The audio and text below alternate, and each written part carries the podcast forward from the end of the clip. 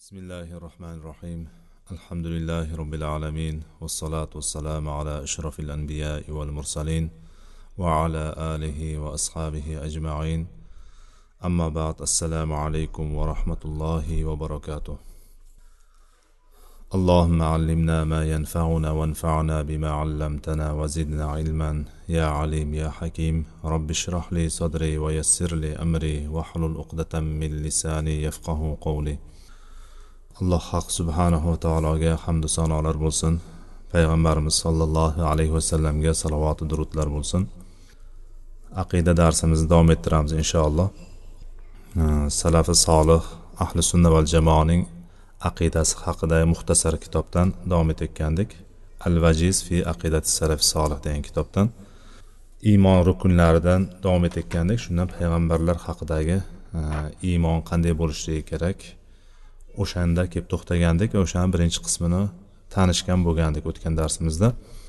Kelgan joyimizdan bugun alloh qodir qilgancha davom etamiz.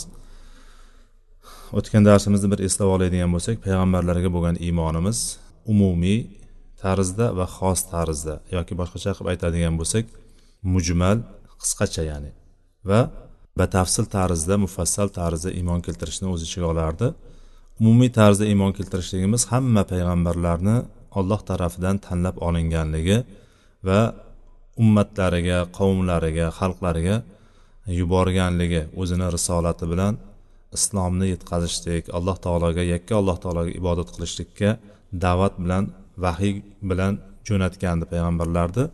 Mana shunday deb iymon keltiramiz va ularni birontasini inkor qilmaymiz. Hammasiga baravar iymon keltiramiz. Alloh tarafidan yuborilgan deb. Payg'ambarlarni ichida o'zaro bir biridan farqli taraflari bor edi. Alloh taolo ba'zilarini ba'zilaridan ustun qildi. Oyatda aytadiki alloh taolo tilka rusulu faddolna ba'dahum ala ba'd. Minhum man kallamalloh va rafa ba'dahum darajat. Va atayna isa ibn maryam al bayyinat va ayyadnahu bi ruhil qudus. Deydi baqara surasida kelayotgan oyat bu. Biz deydi alloh taolo aytadiki tilka rusulu faddonna ba'dahum ala ba'd. O'sha payg'ambarlar ularni biz ba'zilarini ba'zilaridan fazilatli qildik. Ba'zilarini ba'zilaridan ustun qildik afzal qildik dedi. Va orqasidan nima tarafdan afzal qilganligini ham ba'zilarini sanab o'tdi alloh taolo. Aytdiki minhum man kallamalloh. Ularni ichida olloh bilan gaplashgani bor. Ularni ichida olloh bilan gaplashgani bor. Bilamiz kim? Muso alayhissalom alloh bilan gaplashgandi va payg'ambarimiz sollallohu alayhi vasallam ham alloh bilan bevosita gaplashgandi. Va ularni ichida ba'zilarini darajasini ko'tarib qo'ydi deyapti alloh taolo. Varofa ba'dahum darajat va ba'zilarini darajasini alloh taolo ko'tardi. O'tgan darsimizda aytgandikki ulul azm deb atalgan besh payg'ambar bor edi matonat egalari deb turib atalgan payg'ambarlar ichida eng afzallari bo'lgan. Mana shu besh payg'ambar bor edi. Va bunda oyatda davomida aytyaptiki biz iso ibn maryamga biz o'zimizni ochiq oydin mo'jizalarimizni bayinotlarimizni berdik. Va uni ruhul qudus ya'ni jibril bilan quvvatladik qo'lladik deb turib alloh taolo marhamat qilgan. Ya'ni umumiy tarzda iymon keltirishligimiz mana shunday bo'ladi. Hammasiga iymon keltiramiz va ular o'zaro bir biridan farqli taraflari bir biridan afzalliklari bor deb bilamiz. Xos va batafsil tarzda mufassal tarzda iymon keltirishligimiz payg'ambarimiz sollallohu alayhi vasallamga bo'lishligi kerak edi. Va bugungi qismimiz mana shu muhammad allohning rasulidir degan qismi muallifni keltirgan bo'limi. Mana shu bo'lim bilan inshaalloh bugun tanishgan bo'lamiz. U kishini ismlarini nasablarini to'liq keltiryapti bu yerda muallif.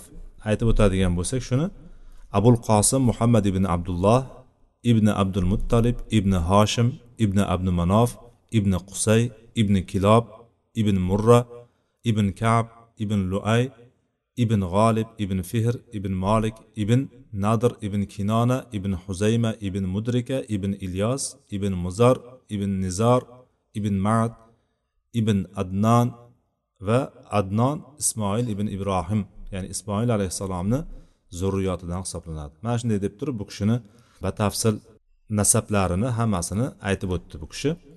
Biz o'zimiz bilishimiz kerak bo'lgan u kishini bu yerda mana abul qosim deb turib payg'ambarimizni kunyalari abul qosim deb tanilganlar payg'ambarimiz sallallohu alayhi vasallam. Va muhammad ibn abdulloh ibn abdul muttalib ibn hoshimgacha va ibn abdumanof va bu hoshimiylar ismoil alayhissalomni zurriyotlaridan deb o'sha darajada bilsak kifoya qiladi. Payg'ambarimiz abdulloh degan otalari bobolari abdul muttolib katta bobolari hoshim va abdumanof undan keyingisi mana shu hoshimiylar bo'lsa adnonga borib taqalishadi. Adnon bo'lsa ismoil alayhissalomni zurriyotlaridan ismoil bo'lsa ibrohim alayhissalomni o'g'illari katta o'g'illari ekanligini bilamiz biz. Alloh taolo bularni hammalaridan rozi bo'lsin. Payg'ambar sollallohu alayhi vasallam payg'ambarlarni ham ya'ni nabiylarni ham va rasullarni ham eng oxirgisidir biz rasullar rasul kim nabiy kim o'tgan safar qisqacha gaplashib o'tgandik bugun shunga to'xtamasdan aytib ketaveramiz. Nabiy kimligini bilamiz rasul kimligini bilamiz. Nabiy ya'ni anbiyolar ko'pligi rasul bo'lsa rusul bo'ladi ko'pligi. Anbiyo va rusullarni eng oxirgisi hisoblanadi. Va shu bilan birga payg'ambarimiz sollallohu alayhi vasallam butun insoniyatga yuborilgandir. Butun insoniyatga payg'ambar qilib jo'natildi. Ya'ni ularni ichida al mabusu ila saqalayn ya'ni saqalayn deganimiz ikkita jinlar va insonlar toifasiga hammasiga jo'natildi. Faqatgina insonlarni o'ziga emas payg'ambarimiz sallallohu alayhi vasallam jinlarga ham insonlarga ham hammasiga payg'ambar qilib jo'natildi. Haq bilan keldi hidoyat bilan keldi. Butun olamlarga payg'ambarimiz rahmat bo'lib keldi. Allohning rahmati bo'lib keldi. U kishi bandadir unga ibodat qilinmaydi. Banda bo'lgani uchun ibodat qilinmaydi. Ibodat qilinadiganni biz ma'bud deymiz iloh deymiz olloh deymiz. Payg'ambarimiz sollallohu alayhi vasallam banda hisoblangan qul hisoblangan. Alloh taoloni quli bandasi shuning uchun u kishiga ibodat qilinmaydi. U kishi payg'ambar biz iymon keltiramiz u kishini payg'ambarligiga va yolg'onga chiqarilmaydi. Va butun xalqlarini ichida butun xalqlarini ichida eng yaxshisidir payg'ambarimiz. Xalqlarning eng yaxshisi xayri xalqihi alloh taoloni yaratganlarni ichida eng yaxshisi eng afzalidir. Ularni fazilat jihatidan va mukarramlik jihatidan eng afzali hisoblanadi payg'ambarimiz sallallohu alayhi vasallam. Darajasi ya'ni allohga allohga yaqinlik darajasi eng yuqori bo'lgani alloh taologa eng yaqin bo'lgani hisoblanadi. U kishining shariati qolgan shariatlarni hammasini bekor qilib keldi. U kishi olib kelgan shariat mana shu islom shariati undan oldingi shariatlarni payg'ambarlar olib kelgan shariatlarni hammasini bekor qilib keldi. Va bu shariat islom shariati payg'ambar sallallohu alayhi vasallam olib kelgan shariat har bir zamonda butun zamonlarda shu payg'ambar sallallohu alayhi vasallam paytida ham mana o'rtadan bir ming to'rt yuz yildan oshiq vaqt o'tdi. Mana shu oraliqdagi hamma zamonlar va qiyomatgacha keladigan zamonlarda ham va har bir makonda ham ya'ni faqatgina arab arabiston yarim orolida emas o'zbekistonmi ya'ni butun yer yuzida qayerda joy bo'ladigan bo'lsa har bir makonda bu shariat o'shanga muvofiq bo'ldi o'shanga mos bo'ldi. Hammasiga baravar tushdi. Ya'ni bir qismiga tushib bir qismiga tushmadi emas bu qiyomatgacha mana shunday bo'lib qoldi u kishini olib kelgan shariat. Alloh taolo aytdiki vama arsalnaka illa rahmatan lil alamin. Biz sizni dedi payg'ambarimizga qarab biz sizni barcha olamga rahmat qilib yubordik dedi. Ya'ni payg'ambarimiz sallallohu alayhi vasallam butun olamga rahmat bo'lib kelgan. Shuning uchun biron bir zamon va makon u kishidan farq qilmaydi ajratilmaydi. Hamma makonga hamma zamonga payg'ambarimizni olib kelgan shariatlari muvofiq hisoblanadi. Alloh taolo u kishiga kitobini tushirdi va dinini u kishiga topshirdi. Dinini omonat qilib berdi. Ya'ni qur'onini tushirdi payg'ambarimizga va dinini payg'ambarimizga topshirdi. Uni o'zini payg'ambarlik risolasini yetkazishlikni yukladi alloh taolo u kishiga. Va bu yetkazishlik asnosida payg'ambarimizga biron bir ya'ni biron bir toyilishlik biron bir adashishlik bo'ladigan bo'lsa alloh taolo o'shandan saqlab qo'ydi payg'ambarimizni. Qanaqangi bir toyiladigan adashadigan joy bo'ladigan bo'lsa alloh taolo bu risolani yetkazishlik paytida hamma narsadan saqlab qo'ydida alloh taolo aytdiki vama yantiqu anil hava in huva illa vahyun yuha dedi.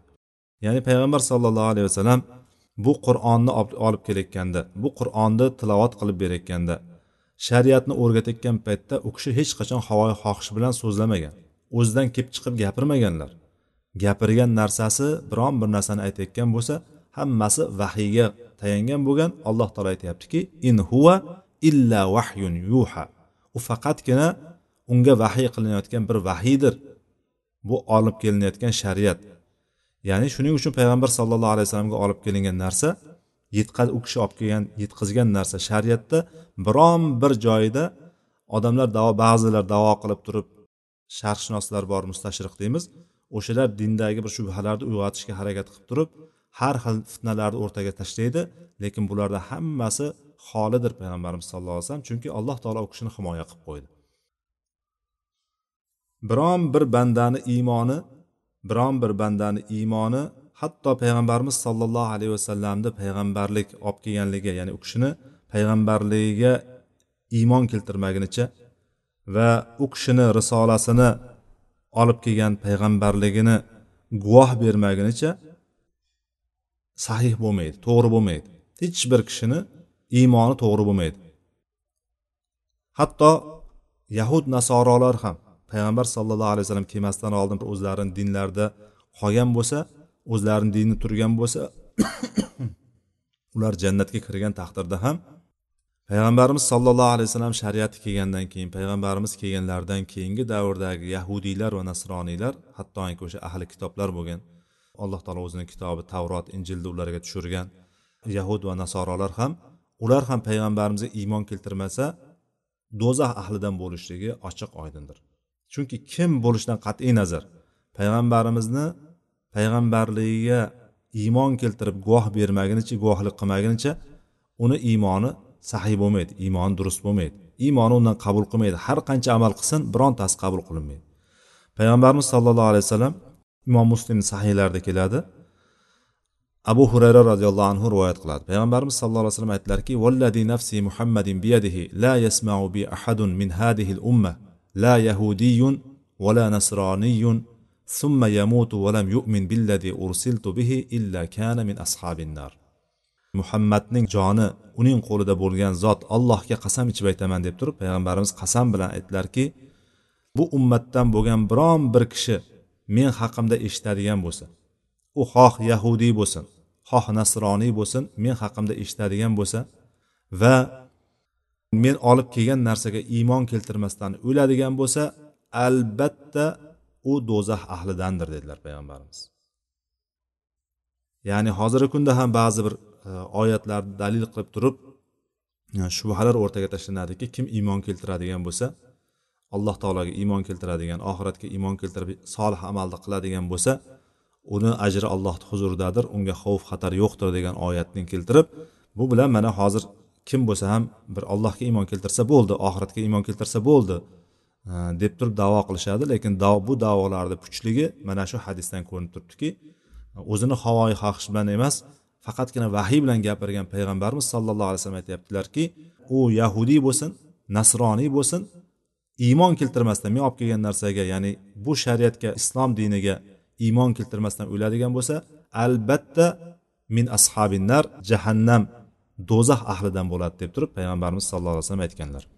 Shuning uchun kim payg'ambarimiz sollallohu alayhi vasallamga itoat qiladigan bo'lsa u kishi olib kelgan dinga ergashadigan bo'lsa payg'ambarimiz aytganlarini qilib qaytarganlardan qaytadigan bo'lsa albatta jannatga kiradi. Kim u kishiga osiylik qiladigan bo'lsa u kishiga itoat itoatsizlik qiladigan bo'yin tovlaydigan bo'lsa u jahannamga kiradi. Alloh taolo aytadiki oyatida fala va robbika la yu'minuna hatta yuhakkimuka fima shajara baynahum summa la yajidu fi anfusihim harajan mimma qadoyta va yusallimu taslima. Alloh taolo qasam bilan boshladi. Yo'q ey muhammad sallallohu alayhi vasallam robbingizga qasamki to ular o'rtalarida chiqqan biron bir kelishmovchilikda sizni hakam qilmagunicha ya'ni sizni hukm chiqarib beruvchi qilmagunicha va keyin siz chiqargan bir hukmdan dillarida qalblarida biron bir hech qanday tanglik topmasdan to'la to'kis taslim bo'lmagunlaricha ular zinhor va zinhor mo'min bo'la olmaydi dedi alloh taolo. Ya'ni sharti nima bo'lyapti bu yerda?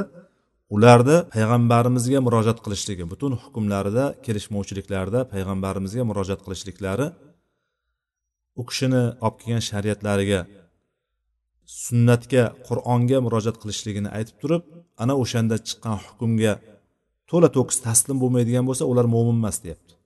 Ular mo'min emas olloh aytyaptiki ular mo'min emas. Qasam bilan aytyapti la yu'minuna deyapti. Fala va robbika la yu'minuna deyapti. Mana shundan ko'ramizki endi biz o'zimiz uchun bir hukm chiqqan paytda o'sha hukmni olishligimiz kerakmikan yoki yana boshqadan domlama domla yurishimiz kerakmikan. Mana shu o'rinda ular zinhor mo'min bo'la olmaydi degan oyatni bir eslab olishligimiz kerakda. O'zimizni nafsimizni qo'lga olishligimiz havoyi nafsimizni biroz shariatga bo'ysundirishligimizga to'g'ri keladi. Mana shunday o'rinlar kelib qoladigan bo'lsa. Payg'ambarimiz sollallohu alayhi vasallamdan oldin o'tgan payg'ambarlar ma'lum bir xalqlarga yuborilardi xoslab yuborilardi ba'zi bir qishloqlarga ba'zi bir e, millatlarga ba'zi bir qavmlarga yuborilardi payg'ambarimiz sollallohu alayhi vasallam bo'lsa butun insoniyatga yuborildi. Buni alloh taolo shunday marhamat qiladi. Vama arsalnaka illa kaffatan linnasi bashira va nadira deydi biz sizni butun bashariyatga butun bashariyat uchun xushxabarchi va ogohlantiruvchi qilib yubordik deydi bashir va nadir bu yerda xushxabar beruvchi va ogohlantiruvchi qilib yubordik deyapti. Mana shu yerda oladigan oyatdan vama arsalnaka illa kaffatan linnas. Bu yerda boshidagi inkor va o'rtasidagi istisnoni olib tashlab turib tarjima qilamiz biz. Shak shubha yo'qki deb turib tarjima qilsak to'g'ri bo'ladi. Shak shubha yo'qki biz sizni butun insoniyatga yubordik butun bashariyatga yubordik deyapti alloh taolo. Mana shundan ko'rinadiki payg'ambarimiz sallallohu alayhi vasallam butun insoniyatga va jinlarga payg'ambar qilib yuborilgan. Ahli sunna val jamoa yana iymon keltiradi. Payg'ambarimiz sollallohu alayhi vasallamga alloh taolo bir qancha oyat va mo'jizalarni bergan. Bu mo'jizalarni payg'ambarligini quvvatlashlik uchun berganligiga iymon keltiradi. Mo'jizalar haqida o'tgan safar gapirgandik. Mo'jizalar ya'ni bu g'ayri oddiy bo'lgan insonlarni qudrati yetmaydigan insonlarni kuchi yetmaydigan narsalar bular.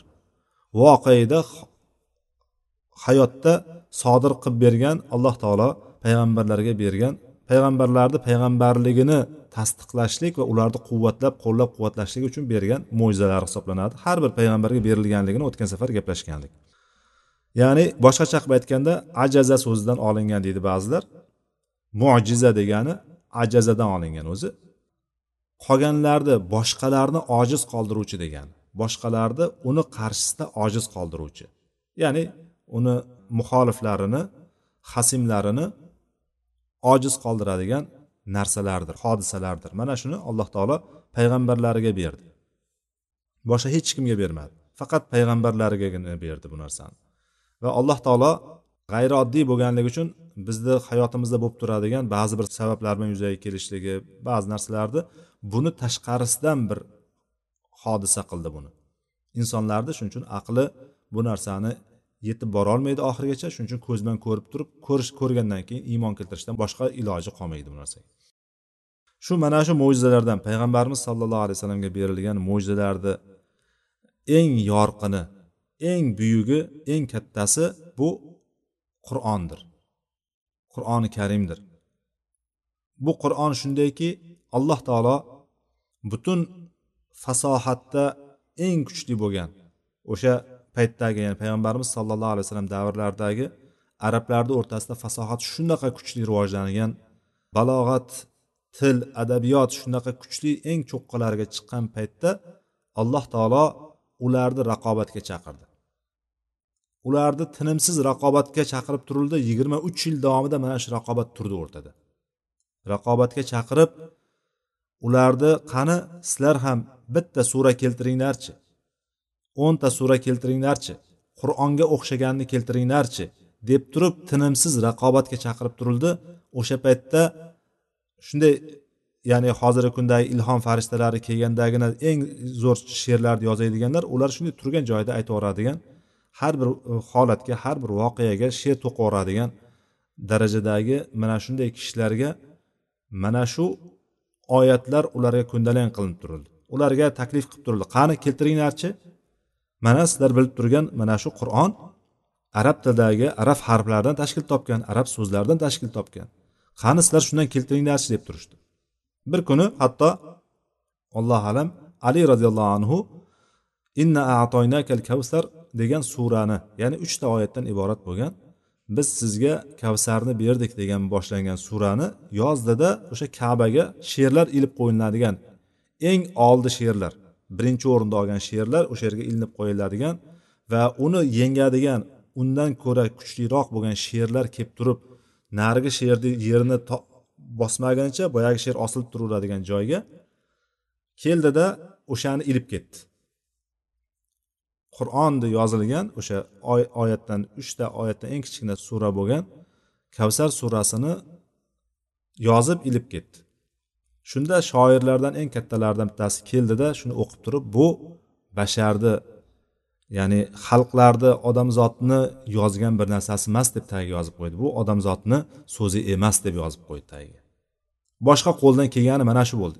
Qo'ldan kelgan narsasi eng kuchli bo'lgan so'zamol bo'lgan shoirni ayta oladigan so'zi bu bashariyatning so'zi emasdir deb ketdi. Ya'ni buni biz tushuna olmaymiz chunki biz arab emasmiz. Lekin buni nahot shuni yozolmaydi degan fikrlar kelib qolishligi mumkin. Lekin buni yozolmasligini o'sha paytdagi balog'atda adabiyotda eng yuqori cho'qqiga chiqqan arablar tan olishgan va keltira olishmagan birontasini. Bitta sura ham qani sura kelt bittagina sura keltiringlar deb turgan qur'on.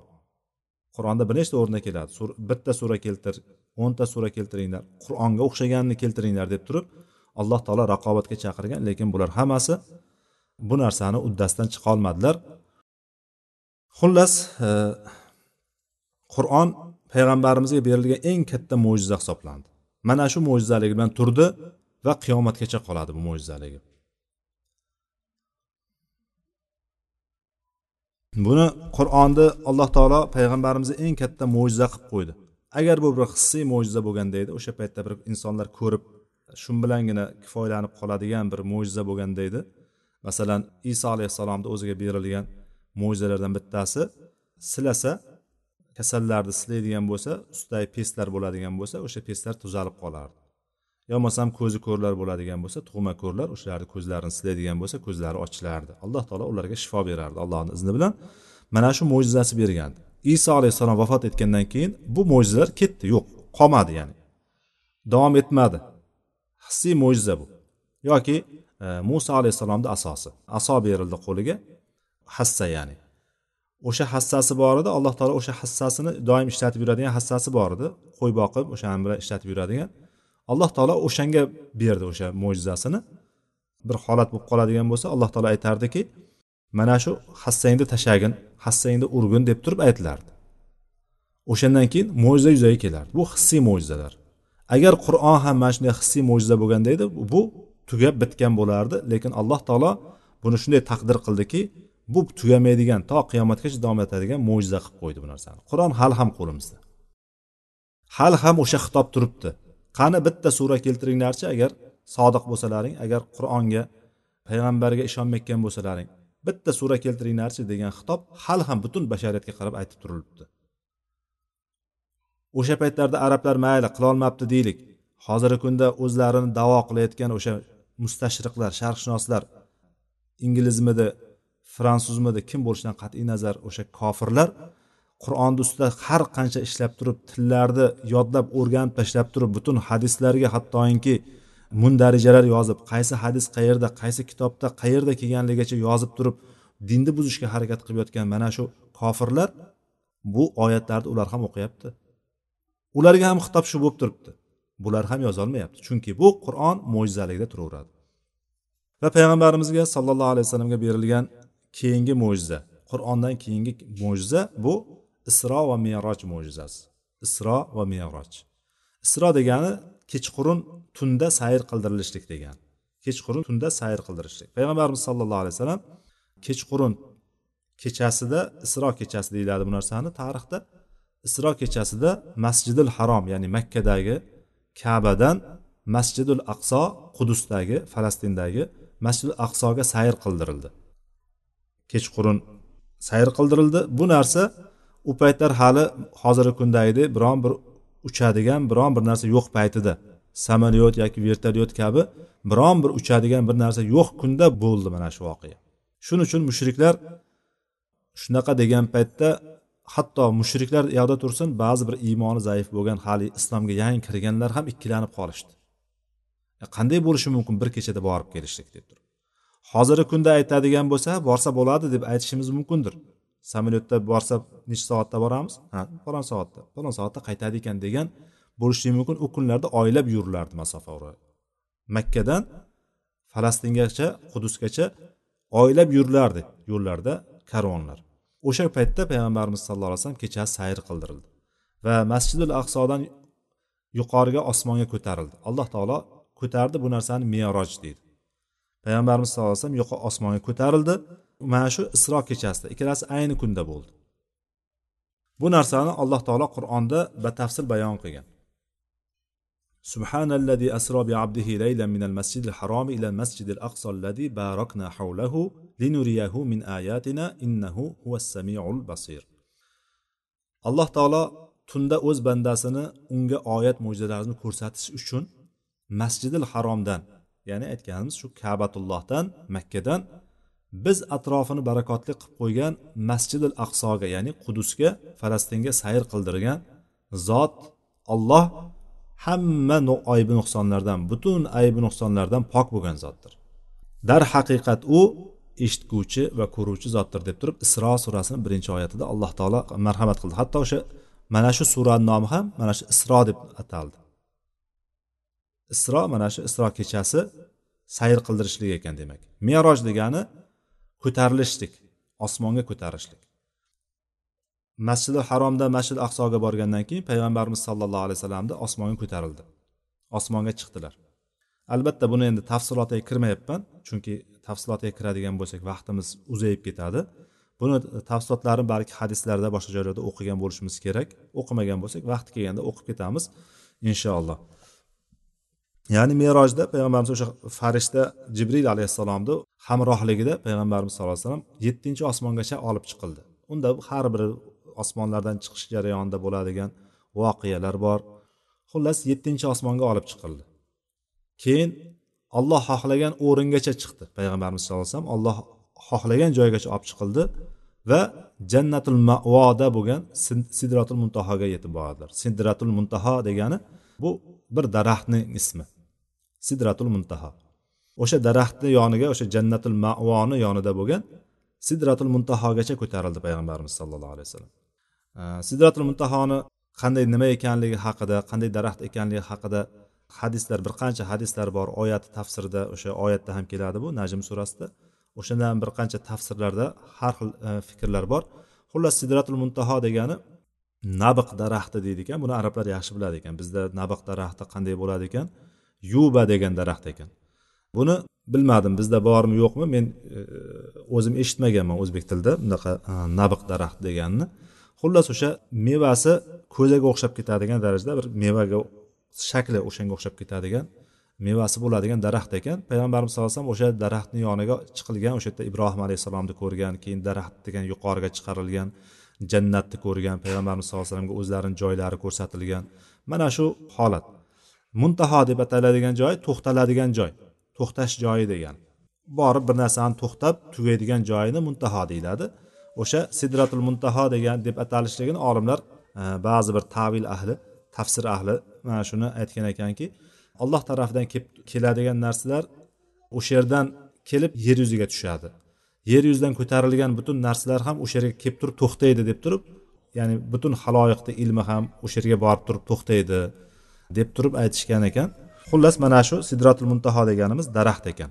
Juda katta daraxt. Uni ham hadislarda hasan hadislarda boshqa turli hadislarda uni qanchalik masofa ekanligi qanday katta daraxt ekanligi tasvirlanadi. Uni barglariyu uni e, mevalari tasvirlab ketiladi hadislarda. Xullas mana shu payg'ambarimiz sallallohu alayhi vasallam o'shanga ko'tarildilar va sidratul muntahogacha bordilar va jannatul mavogacha borildi. Jannatul mavo bu o'sha ba'zi bir tafsir kitoblarida aytiladiki bu shahidlar qoladigan joy desa ba'zilar siddiqlar qoladigan butun solihlar qoladigan jannat deb aytadi ekan. Xullas mana shu joygacha ko'tarildilar payg'ambarimiz sallallohu alayhi vasallam.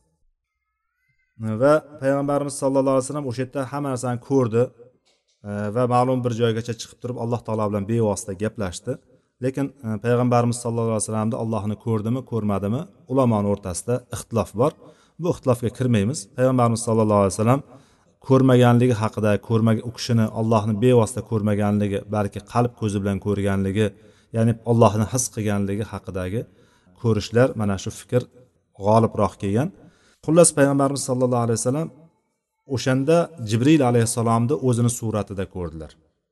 Jibril alayhissalomni ayni suratida o'zini yaratilish xilqatida ko'rdilar. Undan oldin ham payg'ambarimiz sallallohu alayhi vasallam ko'rgandi. Bu ikkinchi marta ko'rishligi bo'ldi. Payg'ambarimiz sallallohu alayhi vasallam jibril alayhissalomni haqiqiy alloh taolo yaratgan suratda ikki marta ko'rganlar. Ya'ni olti yuzta qanoti borligini va butun ufqni to'ldirib turganligini va qanotlaridan e, yoqutu durlar yog'ilib turganligini payg'ambarimiz sallallohu alayhi vasallam ta'riflab berganlar. Va mana shu kechada alloh taolo bu ummatga bir kecha kunduzda besh vaqt namozni farz qildi. Farz qilinishligi ham ellik vaqtdan besh vaqtga tushganligini biz bilamiz bu narsani. Bunga ham tafsilotlarga kirmayapman yana ta'kidlab ketyapman. Keyin payg'ambarimiz sallallohu alayhi vasallam qaytib baytul maqdisga tushdilar tepada ko'rib ya'ni jannatni ko'rdilar do'zaxni ko'rdilar u yerdagi voqealarni alloh taolo xohlagan narsalarni ko'rsatdi xohlagan narsalarni vahiy qildi xohlagan narsalarni alloh taolo bilan gaplashdi o'sha o'rinda. Keyin baytul maqdisga qaytib tushdilar va o'sha yerda butun payg'ambarlarga balki bu yerda butun payg'ambarlar deganda qancha payg'ambar bo'lganligini bilmaymiz lekin o'sha rivoyatlarda butun payg'ambarlar deb keladi.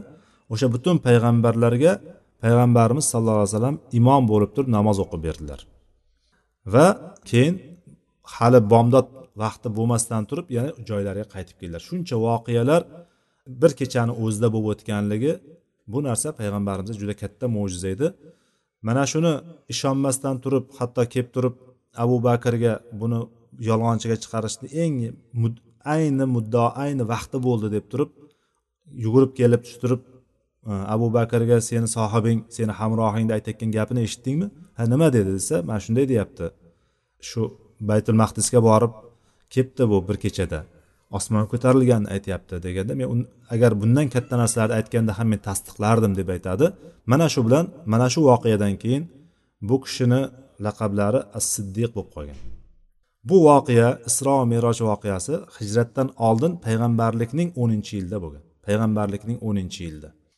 Hijratdan uch yil oldin bu narsani alloh taolo najm surasida to'liq keltiradi.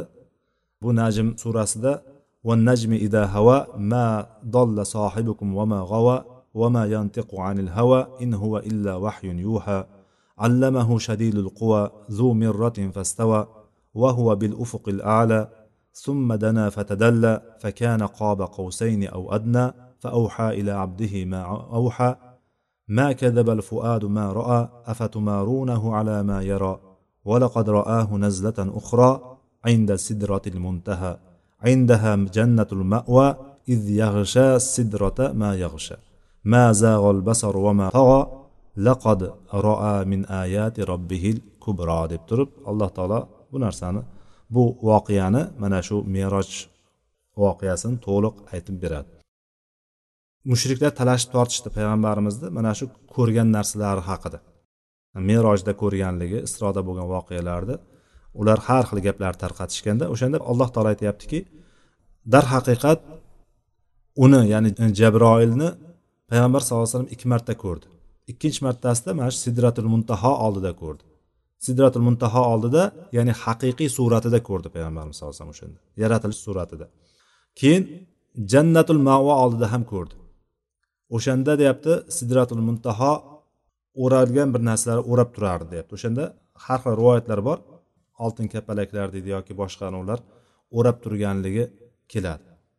Sidratul muntaho boyagi daraxt katta daraxt. Payg'ambarimiz sollallohu alayhi vasallamni ko'zi hech bir narsadan og'gani yo'q. Ya'ni yaqa bu yoqqa ketgani yo'q haddan ham oshgani yo'q. Payg'ambarimiz sallallohu alayhi vasallam ko'rgan narsasini hammasini o'zlarini ko'zlari bilan ko'rdilar. Ya'ni tushlarida bo'lganmi? Yo'q bu voqea. O'zlarini jismlari ruhlari bilan uyg'oqligida bo'ldi. Hammasi o'z ko'zlari bilan ko'rdi bu narsani. Va allohning buyuk oyatlarini alloh taoloning mana shunday buyuk mo'jizalarini oyatlarini ko'zlari bilan ko'rdilar. Ba'zilar e, shu g'ayb haqidagi qiyomat haqidagi xabarlarni aytayotganda payg'ambarimiz sallallohu alayhi vasallamni asosi e, ya'ni dalili ko'zlari bilan ko'rib kelgan voqealarni sahobalar tushunadigan tilda aytib bergan deyishadi. Ba'zi olimlar mana shu fikrda. Ya'ni payg'ambarimiz sollallohu alayhi vasallam bu dunyodagi vaqt birligidan chiqdilar o'shanda. Chunki bir kechada shuncha voqealarni agar buni hadisda to'liq anosini ko'radigan bo'lsak isro meroj voqeasi qanday bo'lganligini juda e, tafsiloti katta. Buncha tafsilotni payg'ambarimiz bir kechada ya'ni kechani yarmidan keyin to bomdodgacha bo'ladigan vaqt oraliqda hammasini ko'rib kelishligi hatto ba'zi rivoyatlarda shu joyi ham hali sovmagan bo'ladi deb keladi. Ya'ni bu darajada qisqa vaqtda ko'rib kelishligi mumkin bo'lmagan narsa aslida.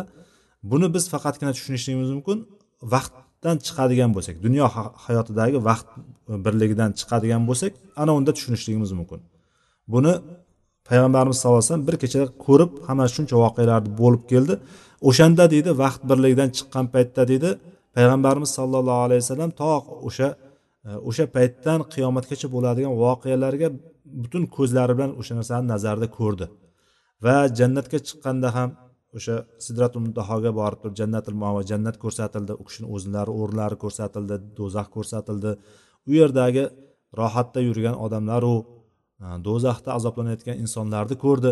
Bularni hammasini o'sha ko'rgandan keyin payg'ambarimiz sollallohu alayhi vasallam sahobalarga mana shu qiyomat haqidagi xabarlar qiyomatni alomatlarini gapirib berayotganlarida mana shu o'z ko'zlari bilan ko'rgan bilgilarga o'z ko'zi bilan ko'rgan ma'lumotlarga tayangan deb aytishadi ba'zi olimlar. Ala kulli hal e, bu narsa g'ayb masalasi bizga to'liq ma'lumot berilmaganligi uchun biz bu narsani aynan mana shunday deb ayta olmaymiz. Bu hammasi olimlarni fikrlari. Xullas payg'ambarimiz sollallohu alayhi vasallam g'ayb haqida xabar beradimi qiyomat haqida xabar beradimi bu narsani vahiydan tashqarida bo'lmagan o'zlarini fikrlari bilan aytmagan deb turib iymon keltiramiz. Mana shu joyda ba'zi bir da'vogarlar davo qilayotgandek e, biz g'ayb haqida xabar bergan hadislarni hammasini mavzu deb bilamiz. Bu hadislar to'qima hadislar deb turib aytayotganlarga o'xshab turib bu gaplarni aytmaymiz. Chunki ahli sunna va jamoa payg'ambar sallallohu alayhi vasallamga vahiy qilingan narsanigina yetkazganligiga iymon keltirishadi va oyatda o'sha g'aybni hech kimga bildirmaydi alloh taolo. G'ayb faqat allohga xosdir. Lekin o'zi tanlab olgan bandalardan ya'ni payg'ambarlardan o'zi xohlaganiga xohlagan narsasini bildiradi degan oyatga iymon keltiradi. O'sha qur'oniy toifasi ham mana shu oyatlarni o'zlaricha boshqa tarafga burib boshqacha tavil qilishadi. Bu bilan o'sha oyatlarga bular ochiqcha kofir bo'layotgan bo'ladi. Chunki alloh taolo bunda ochiq oydin bayon qilib qo'ygan. Payg'ambarlarga oldindan xabar bergan o'sha narsani. Qur'onda ham o'zi xabar bergan. Bir qancha joylarda g'ayibdan xabar bergan. Ya'ni payg'ambar sallallohu alayhi vasallam aytdilarki menga qur'on berildi va qur'onni mislicha ilm ham berildi degan. Ya'ni qur'onni tafsiri qur'ondan tashqari hukmlar hammasini alloh taolo payg'ambar sallallohu alayhi vasallamga berganlar. Ho'p payg'ambarimiz sallallohu alayhi vasallamga berilgan mo'jizalarni davom ettiramiz. Undan keyingi mo'jizalar oyni ikkiga bo'linishi. Oyni ikkiga bo'linishi bu ham katta bir e, mo'jizalardan bittasi bo'lgan. Buni mushriklar talab qilishdi. Payg'ambarimiz sallallohu alayhi vasallam o'shanda payg'ambarimizni talablariga payg'ambarimizni so'raganiga allohdan so'ragandan keyin bu oy ikkiga bo'lingan. Buni mushriklar ko'rishgan lekin baribir yana sehr qilding deb turib yana o'zlarini yo'lida davom etishgan. Iymon keltirishmagan ya'ni. Makkada turib payg'ambarimiz sallallohu alayhi vasallam o'sha oyni ikkiga bo'lgan bo'lsalar oy bittaku. Boshqa joylardagi ham ko'rganligi o'sha tarix kitoblarida keladi. Karvonlar kelib turib ular ham shu oyni bo'linganligini xabar berishgan. Xullas lekin shunday bo'lishiga qaramasdan turib bular o'shani ham inkor qilishgan. Bular tafsilotiga kirmayapmiz chunki vaqt cho'zilib ketadi. Biz umumiy payg'ambarimiz sallallohu alayhi vasallamga iymon nimalardan tashkil topishi kerakligi haqida gapiryapmiz va shunda muallif keltirgan mo'jizalar haqida gapiryapmiz hozir. Taomni ko'paytirishlik kam bo'lgan taomni ko'paytirishlik. Bu taomni ko'paytirishlik payg'ambarimiz sollallohu alayhi vasallamni hayotlarida e, bir qancha bor takrorlangan bu mo'jiza. Shuningdek suvni ko'paytirishlik. Bu suv payg'ambarimiz sallallohu alayhi vasallamni barmoqlarini orasidan otilib chiqqan. O'sha ozgina suvga barmoqlarini solganda o'sha barmoqlardan suv fishqirib chiqqan ya'ni o'sha suv doimiy oqib turgan. Mana bu holat. Bu ham ko'p bo'lgan holatlardan bittasi. Shuningdek taomni ovqatni payg'ambarimiz sallallohu alayhi vasallamga tasbeh aytib turishlik o'sha paytda e, taom yeyotgan paytda e, tasbeh aytib turgan taom. Bu ham ko'p bor e, sodir bo'lgan deydi. Bundan keyin kasalliklarni davolanishligi kasalliklarni davolash. Payg'ambarimiz sallallohu alayhi vasallam o'sha e, kasallarni davolaganlar. Ya'ni dori darmon bermasdan turib biron bir narsa qo'llamasdan turib payg'ambarimizni davolaganliklari keladi. Bu narsa har xil holatlarda ba'zan shu tupuklarini surtib qo'yishligi ba'zan silab qo'yishliklari ba'zan duo o'qishlari har xil holatlar keladi. Ya'ni o'sha e, sahobalarni ko'pchiligini bu bilan e, shifo topganligi mo'jizasi. Keyin hayvonlarni ham odobda bo'lishligi payg'ambarimiz sallallohu alayhi vasallamga odob saqlaganligi hayvonlarda keyin daraxtlarda u kishiga egilganligi. Daraxtlar egilgan. Payg'ambarimiz sallallohu alayhi vasallam kelib o'tirsa o'sha daraxtlar egilgan bu hatto payg'ambarlikdan oldin ham bo'lgan bu voqea. Qayerga borib o'tirsa payg'ambarimizga soya qilaman deb turib daraxtlar egilgan. Daraxt shoxlarini ekkan payg'ambarimizga. Va toshlar ham salom bergan hatto bu ham payg'ambarlikdan oldingi bo'lgan voqealar. Toshlar salom bergan. Ba'zi bir katta harsang toshlar salom berganligi keladi. Va namozda payg'ambarimiz sollallohu alayhi vasallam orqada turganlarni ko'ra olishligi. Namozda turgan paytda orqada turgan kishilarni ko'ra olishligi. Va buni ochiq oydin aytganlar payg'ambarimiz. Men sizlarni namozda turganda orqamda ko'rib turaman sizlarni deganlar. Namozda sokin xotirjam turinglar. Ya'ni yaqa bu yoqqa alanglamasdan boshqa harakatlar qilmasdan xotirjam turinglar namozda deb turib chunki men sizlarni orqadan ham ko'rib turaman deganlar. Ya'ni old taraflarini qanday ko'rsa orqa taraflarini xuddi shunday ko'rishligini mana shu hadisda aytilgan. Va shuningdek boyagi zaharlangan qo'yni oyog'i olib kelingan paytda o'shani payg'ambarimiz sallallohu alayhi vasallamga gapirganligi keladi. Ya'ni o'shani zaharlangan ekanligini aytganligi keladi. Bu ham bir payg'ambarimizni mo'jizalaridan bittasi. Ba'zi g'aybiy ishlar g'ayb ishlardan xabar berishliklari e, yoki o'zidan bir qancha masofa uzoq joylarda bo'lib turgan olisdagi narsalarda hodisalar haqida payg'ambarimiz sallallohu alayhi vasallam o'sha bo'lib turgan paytda xabar berganlar. O'sha xabarlardan bir qanchasi bor? Masalan mo'ta g'azotida sahobalarni jo'natgan paytda hozir zayd bayroqni oldi va shahid bo'ldi. Undan keyin jafar e, oldi bayroqni shahid bo'ldi deb turib payg'ambarimiz sallallohu alayhi vasallam aytib turganlar va aytib turganlarida o'shani ko'zlari bilan ko'rib turganday ko'rganlar o'sha voqeani. Ya'ni bu u shom diyorlarida bo'layotgan voqea payg'ambarimiz madinada turibdilar. O'sha yerda turib sahobalarga aytib ularni e, o'lganliklarini xabarini aytib turib yig'lab turganlar. O'shanda ko'zlaridan yosh oqardi deb shashqator bo'lib turib ko'zidan yosh oqardi.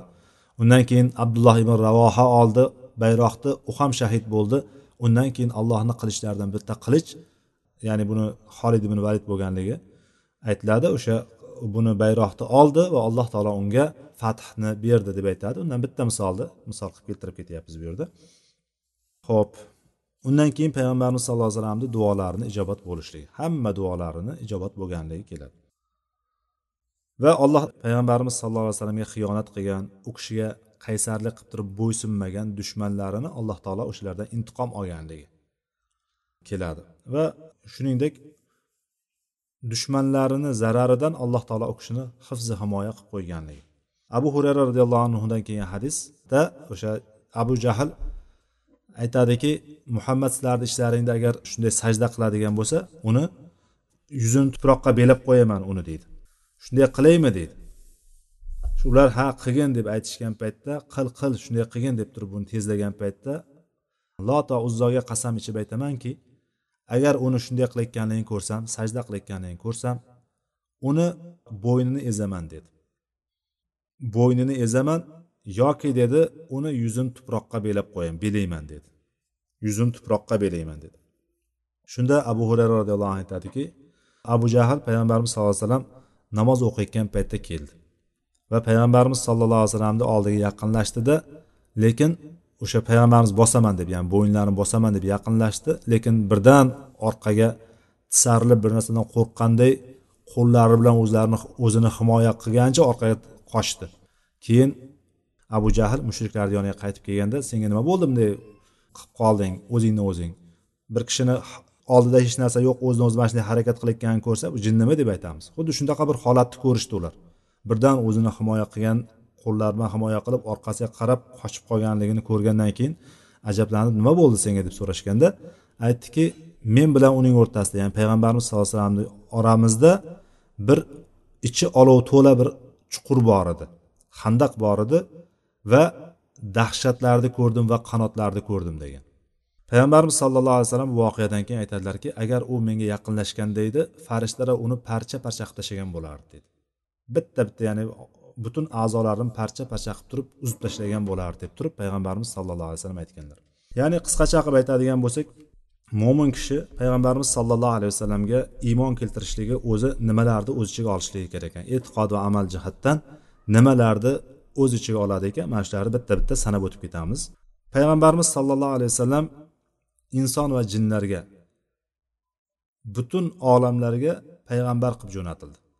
Faqat arablarga emas butun hammaga payg'ambar qilib jo'natildi. Payg'ambarimiz sallallohu alayhi vasallam payg'ambarlar ya'ni nabiylar va rasullarning eng oxirgisidir u kishidan keyin payg'ambar ham kelmaydi rasul ham kelmaydi. Payg'ambarimiz sallallohu alayhi vasallamga u kishi olib kelgan ya'ni u kishini jo'natilgan payg'ambar ekanligiga iymon keltirmaguncha biron bir kishini islomi iymoni musulmonchiligi sahih bo'lmaydi durust bo'lmaydi. Albatta payg'ambarimiz sallallohu alayhi vasallamga iymon keltirishligi kerak va u kishini shariatiga va hukmlariga ergashishligi kerak bo'ysunishligi kerak. Chunki u kishini risolati olib kelgan payg'ambarligi butun payg'ambarliklarda oxiri hisoblanadi va oldingi shariatlarni hammasini bekor qilib kelgan bo'ladi. Agarchi hozirgi kundagi nasroniy va yahudiylar o'zlarini asl kitoblariga iymon keltirsa ular jannatga kirishligi mumkinmi deydigan bo'lsa asl kitoblariga iymon keltirsa ularni kitoblari payg'ambarimizga iymon keltirishlikda taqozo qiladi buyuradi ya'ni. Ya'ni ular ilojsiz payg'ambarimizga iymon keltirishligi kerak jannatga kirishligi uchun. Payg'ambarimiz sollallohu alayhi vasallam risolatni alloh taolodan kelgan payg'ambarlikni to'la to'kis ochiq tarzda yetkazdilar. Omonatni o'tadilar va ummatlariga nasihatgo'y bo'ldilar. Va ummatni shunaqa bir holatda qoldirdiki hatto kechalari ham kunduzdek yop yorug' bo'lgan ochiq oydin yo'lda qoldirdi payg'ambarimiz sallallohu alayhi vasallam bizni ya'ni kechasi ham yoriq bo'ladigan ya'ni hech kim adashib qolmaydigan tarzda ochiq oydin yo'lga yo'llab ketdilar payg'ambar sallallohu alayhi vasallam. Omonatni mana shu tarzda o'tadilar. Va bu risolatni payg'ambarlikni shariatni yetkazayotgan paytda payg'ambarimiz sallallohu alayhi vasallam biron bir xatolardan gunohlardan kabiralardan hammasidan pokdir u kishi bu narsalardan ma'sum zotdir. Ya'ni biron joyda xatoga yo'l qo'yib qo'ymaganlar. Kichkina bo'lsin xoh katta bo'lsin biron joyda xatoga yo'l qo'yib qo'ymaganlar. Va u kishini haqida g'urur ketishlikdan qaytardilar payg'ambarimiz sallallohu alayhi vasallam. U kishini o'zlari haqida payg'ambarimiz sollallohu alayhi vasallam haqlarida haddan oshishlikdan e, g'uluv ketishlikdan chuqur ketishlikdan qaytardilar. Chunki u kishi payg'ambar sollallohu alayhi vasallam o'zlarini ta'riflagan paytda men ollohni bandasiman allohni quliman va rasuliman deb aytganlar. Shuning uchun bu yerda payg'ambarimizni ko'klariga ham ko'tarib yuborishlik noto'g'ri va qadrini pastga urishlik ham o'zini payg'ambarimiz sallallohu alayhi vasallam hurmatini joyiga qo'ymaslik ham mumkin emas.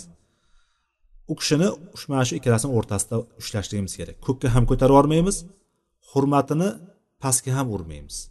Ikkalasini o'rtasida ushlaymiz. Payg'ambarimizga qanday narsa berilgan bo'lsa qanday huquq berilgan bo'lsa o'sha huquqlarni joy joyiga qo'yamiz. Tafrit va ifrotga kirmaymiz. Va u kishini muhabbatini payg'ambarimiz sollallohu alayhi vasallamga muhabbat qilishlikni u kishini yaxshi ko'rishlikni o'zimizni nafsimiz farzandimiz ota onamizdan va jamiki insonlardan oldinga qo'yamiz. Ya'ni bizni u kishini yaxshi ko'rishligimiz hatto o'zimizdan ko'ra ham yaxshi ko'rmagunimizcha butun insonlardan buni ichida ota onamizu farzandlarimizdan ko'ra ham yaxshiroq ko'rmagunimizcha iymonimiz komil bo'lmaydi. Payg'ambarimiz sollallohu alayhi vasallamga ergashishlik. U kishi olib kelgan hidoyatni qabul qilishlik olib kelingan shariatni qabul qilishlik olishlik va sunnatlarini o'zimizga lozim tutishligimiz sunnatlarni ihyo qilishligimiz va sunnatlarda himoya qilishligimiz bu narsalarni hammasi vojib hisoblanadi. Vojibotlardan payg'ambarimiz sallallohu alayhi vasallamga ergashishlik farzdir. Ergashishligimiz shart. Va u kishiga buyurgan narsalarni tasdiqlashligimiz buyurgan narsalariga itoat qilishligimiz buyurganini qilishligimiz ya'ni va xabar bergan narsalarini tasdiqlashligimiz. Nimadan xabar bergan bo'lsa oxiratdan xabar beradimi kelajakdan xabar beradimi g'aybdan xabar beradimi o'tgan ummatlarda holatlardan xabar beradimi xullas butun xabarlarini tasdiqlashlik. Va qaytargan narsalardan nimadan qaytargan bo'lsalar nimadan nahiy qilgan bo'lsalar o'sha narsadan uzoq turib o'sha narsadan qaytishligimiz vojib ekan bular hammasi. Va bu kichkina bo'lsin xoh katta bo'lsin hamma ishlarda shunday. Va payg'ambarimiz sollallohu alayhi vasallamga osiylik qilishlikdan bo'yin tovlashlik u kishi olib kelgan shariatdan bo'yin tovlashlikdan ehtiyot bo'lishlik. Chunki alloh taolo payg'ambarimiz olib kelgan shariatdan boshqa shariat bilan boshqa narsa bilan ibodat qilganni birontasini qabul qilmaydi. Qabul qiladi qachon? Amalni payg'ambarimiz olib kelgan shariatga muvofiq bo'lsa o'shanga e, to'g'ri tushadigan bo'lsa ana o'shanigina alloh taolo qabul qiladi. Payg'ambarimiz sollallohu alayhi vasallam ibodatgo'ylarni ibodat qiluvchilarni obidlarni eng afzali hisoblanadi ittifoq bilan butun ummatni ittifoqi bilan payg'ambarimiz sallallohu alayhi vasallam allohga eng taqvo qiluvchi eng ibodatgo'y kishi hisoblanadi. Ibodat qilaman degan har bir kishi endi u kishini yo'llariga muvofiq bo'lishligi kerak. Agar bu kishini yo'llariga xilof qiladigan bo'lsa payg'ambarimiz olib kelmagan shariat bilan o'zi ibodat qilaman deydigan bo'lsa bu bidat bo'ladi. Payg'ambar sallallohu alayhi vasallam bu bidatdan ogohlantirganlar uni zalolat ekanligini aytgan payg'ambarimiz sallallohu alayhi vasallam va zalolatda esa do'zaxda ekanligini aytgan. Bu narsa bidatlar alloh taologa yaqinlashtirmaydi balki ollohdan uzoqlashtiradigan narsa ekanligini aytib ketganlar payg'ambar sallallohu alayhi vasallam. Alloh taoloni muhabbatiga alloh taoloni roziligiga erishishlik yo'lini faqatgina payg'ambar sallallohu alayhi vasallamni yo'llari bilangina erishishlik mumkin bundan boshqa yo'l yo'qdir. Alloh taoloni muhabbati va roziligi faqatgina payg'ambarimiz olib kelgan yo'l bilangina boriladi boshqa yo'l yo'q. Bu yoqdan borsa osonroqmikan bunisi qisqaroqmikan bunisi yanada bundayroq ekan bu yerini ushlay degan narsa yo'q. Payg'ambarimiz olib kelgan yo'l bilangina alloh taoloni roziligi va muhabbatiga sazovor bo'lishlik mumkin boshqa yo'l bilan mumkin emas. Va payg'ambarimiz sollallohu alayhi vasallamni qadrlari hurmatlari u kishini alloh huzurida tutgan o'rnini yuksakligini e, bilishlik. Payg'ambar sallallohu alayhi vasallamni ko'p zikr qilishlik eslashlik ya'ni payg'ambar sallallohu alayhi vasallamni ko'p eslashlik va u kishiga har doim salot salovat va salomlar yo'llab turishlik va u kishini oilasiga u kishini zurriyotlariga va ashoblariga va ahli oilalariga haqlariga ularga chiroyli munosabatda bo'lishlik ularni haqlarini o'z o'rniga berishlik mana shu payg'ambarimiz sallallohu alayhi vasallamga bo'lgan iymonni qisqacha bir muxtasar shaklda aytib o'tilingan holati bo'ladi. Vallohu alam. alloh taolo eshitganlarimizga amal qiluvchilardan qilsin mana bu demak biz inshaalloh to'rtinchi rukunni e, tugatgan bo'ldik payg'ambarlarga iymon keltirishlik rukunini inshaalloh keyingi darsimizdan beshinchi rukun bo'lgan oxirat kuniga bo'lgan iymonimiz qanday bo'lishligi kerak ekanligi haqida gaplashamiz سبحانك اللهم بحمدك أشهد أن لا إله إلا أنت أستغفرك وأتوب إليك وآخر دعوانا أن الحمد لله رب العالمين